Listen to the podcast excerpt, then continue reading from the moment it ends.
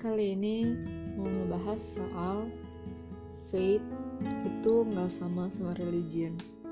Jadi uh, gue kan dari lahir tuh baptis katolik ya. Cuman uh, gue nggak pernah mencari meaning dari uh, menjadi seorang beragama Katolik itu apa gitu. Jadi kayak oh ya udah terima jadi aja. Maksudnya dibaptis secara Katolik ya terus di KTP tulisannya Katolik jadi ya udah gitu. Terus SD SMP SMA juga di sekolah Katolik. Cuman gue nggak pernah nyari itu lebih dari itu. Maksudnya oh ya udah tau lah Katolik nggak boleh ini nggak boleh itu. Terus um, tau lah Katolik ada Tuhan Yesus ada Bunda Maria ada Alkitab ada apa tapi oh terus juga tau lah Katolik tuh ada Natal ada Paskah. Udah. Dan kayak gue ke gereja ya karena nyokap gue ajak kalau enggak ya juga males gitu. Nah terus pas gue kuliah itu baru gue sadar oh ternyata ada orang yang bener-bener ngejalanin firman loh gitu. Karena uh, karena nggak tahu ya mungkin karena keluarga gitu. Jadi walaupun nyokap gue aktif di persekutuan doa tapi kan kayak masih ada hal-hal buruk yang dilakukan. Jadi kan kayak skeptis gitu loh maksudnya oh ya udah orang beragama aja masih rese gitu. Maksudnya kayak masih ngelakuin hal-hal yang gak sesuai sama apa yang diajarin agama. Jadi ya ya udah agama cuman formalitas gitu menurut gue tapi pas gue ke Surabaya tuh ternyata banyak loh yang bener-bener berusaha untuk ngelakuin apa yang diucapin di firman itu gitu. Jadi nggak cuman sekedar oh ya udah denger tapi beneran ngelakuin gitu. Dan kayak mencoba mencari meaning Tuhan tuh mau ngomong apa lewat firman ini. Karena kan biasa kalau misalnya baca Alkitab tuh kayak apaan sih? Nggak ngerti. Terus kayak ih susah ya dimengerti aneh gitu.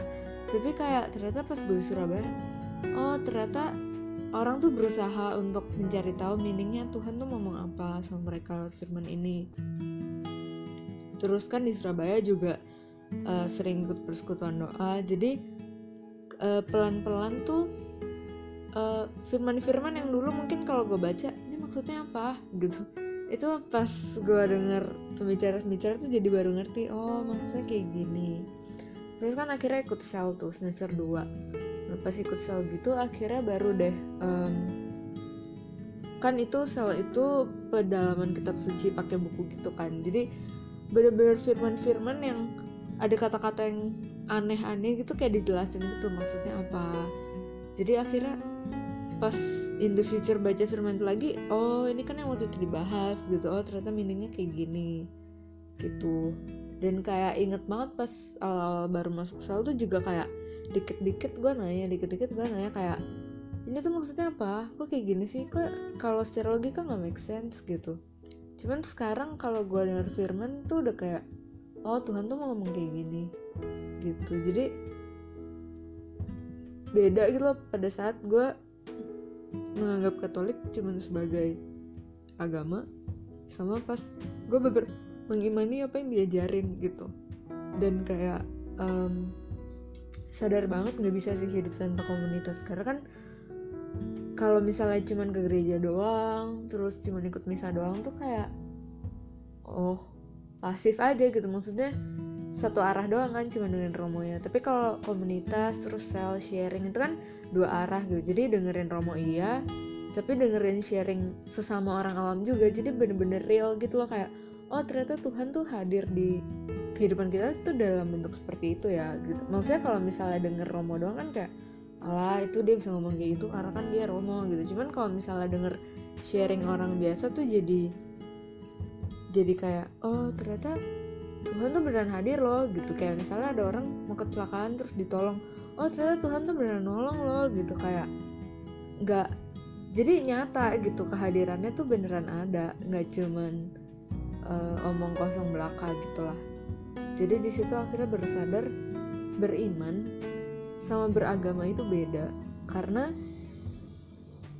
mungkin ada orang-orang yang beragama tapi dia nggak bener-bener berusaha untuk menghidupi apa yang diajarin lewat agamanya gitu. Jadi kayak bisa aja ada orang rajin beribadat tapi dia nggak berusaha untuk melakukan perubahan dari pola hidup atau gimana dia menyikapi sesuatu gitu. Jadi kayak nggak sinkron kayak oh ya dia beragama gitu tapi ya dia belum tentu beriman. Dan kayak kalau dulu kan gue kayak ih apaan sih kalau nyokap gue udah rajin ikut PD tapi kayak gitu gitu.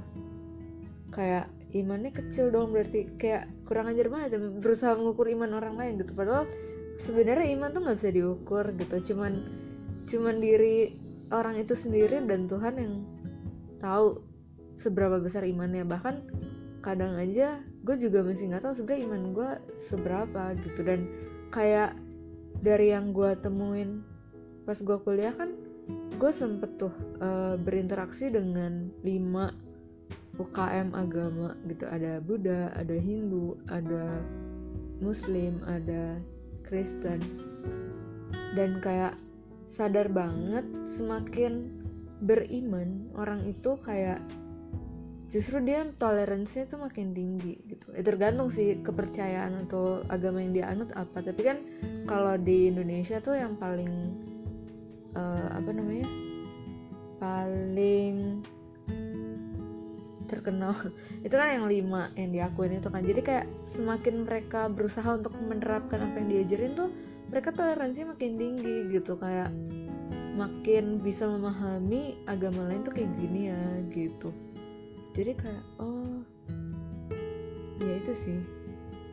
Unik sih menurut gua kayak oh gitu. Dan kayak setelah gua ngerti beriman dan beragama itu beda akhirnya gue bener-bener baru bisa ngerti perks of being a Catholic gitu. Kayak perks of being close to God perks of having a, a community yang sama-sama berusaha untuk menghidupi firman itu gitu. Karena kalau cuman sendiri tuh nggak kuat gitu. Banyak up and down dan um, kayak kadang tuh ngapain sih gue kayak gini gitu?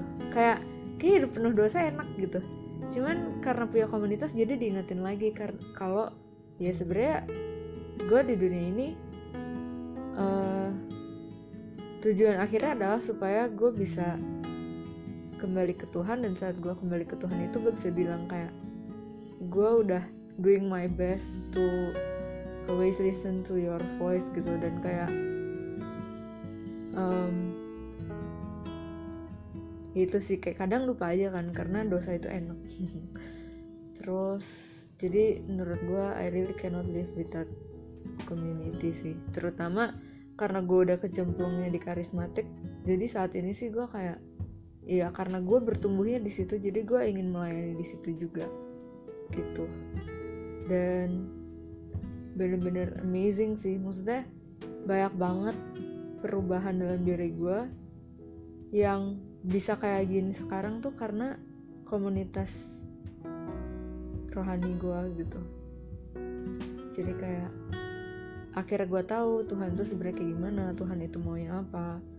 Terus um, akhirnya gue bisa miliki relasi pribadi sama dia. Karena kan waktu kotor ketip itu kayak ya udah Tuhan tuh Tuhan di atas sana gitu. Padahal sebenarnya Tuhan tuh cuma sejauh kayak kita mau mikir dia sejauh apa gitu.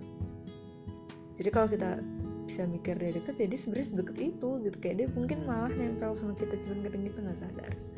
Dan salah satu yang ngebantu gue untuk ngerti gitu tentang Tuhan tuh kayak gimana relasi itu relasi sama Tuhan tuh seperti apa terus kayak uh, kehidupan berkomunitas seperti apa tuh buku namanya Purpose Driven Life. Jadi kalau kalian lagi butuh bacaan yang bisa mengubah hidup mengubah mindset dan bikin kalian kenal tuh Tuhan tuh sebenarnya kayak gimana? Recommended banget sih baca Purpose Driven Life. Dan emang ini tuh perjalanan seumur hidup ya. Maksudnya sampai meninggal pun mungkin banyak banget ups and downs ya. Kayak kadang jenuh kadang kering kadang ngapain sih gue kayak gini? Kayak kayak bosen. Kayak udah berdosa tuh enak banget. Cuman balik lagi ke why-nya sih. Kayak kenapa kalian mau ngelakuin ini in the first place. Dan why gue adalah karena kayak Tuhan tuh cintanya tuh besar banget sama gue. Dan kayak gue bisa masih survive sampai sekarang mentally, physically karena gue ngerasain cintanya lewat berbagai media dari orang lain dari kejadian hidup gue. Dan gue mau melakukan sesuatu gitu untuk membalas cinta yang sebesar itu dan nyenengkan hati dia. Jadi ya pertama sih temuin why dulu sih. Karena agama dan beriman itu nggak bisa dipaksakan. Jadi good luck guys in your spiritual journey. Wah,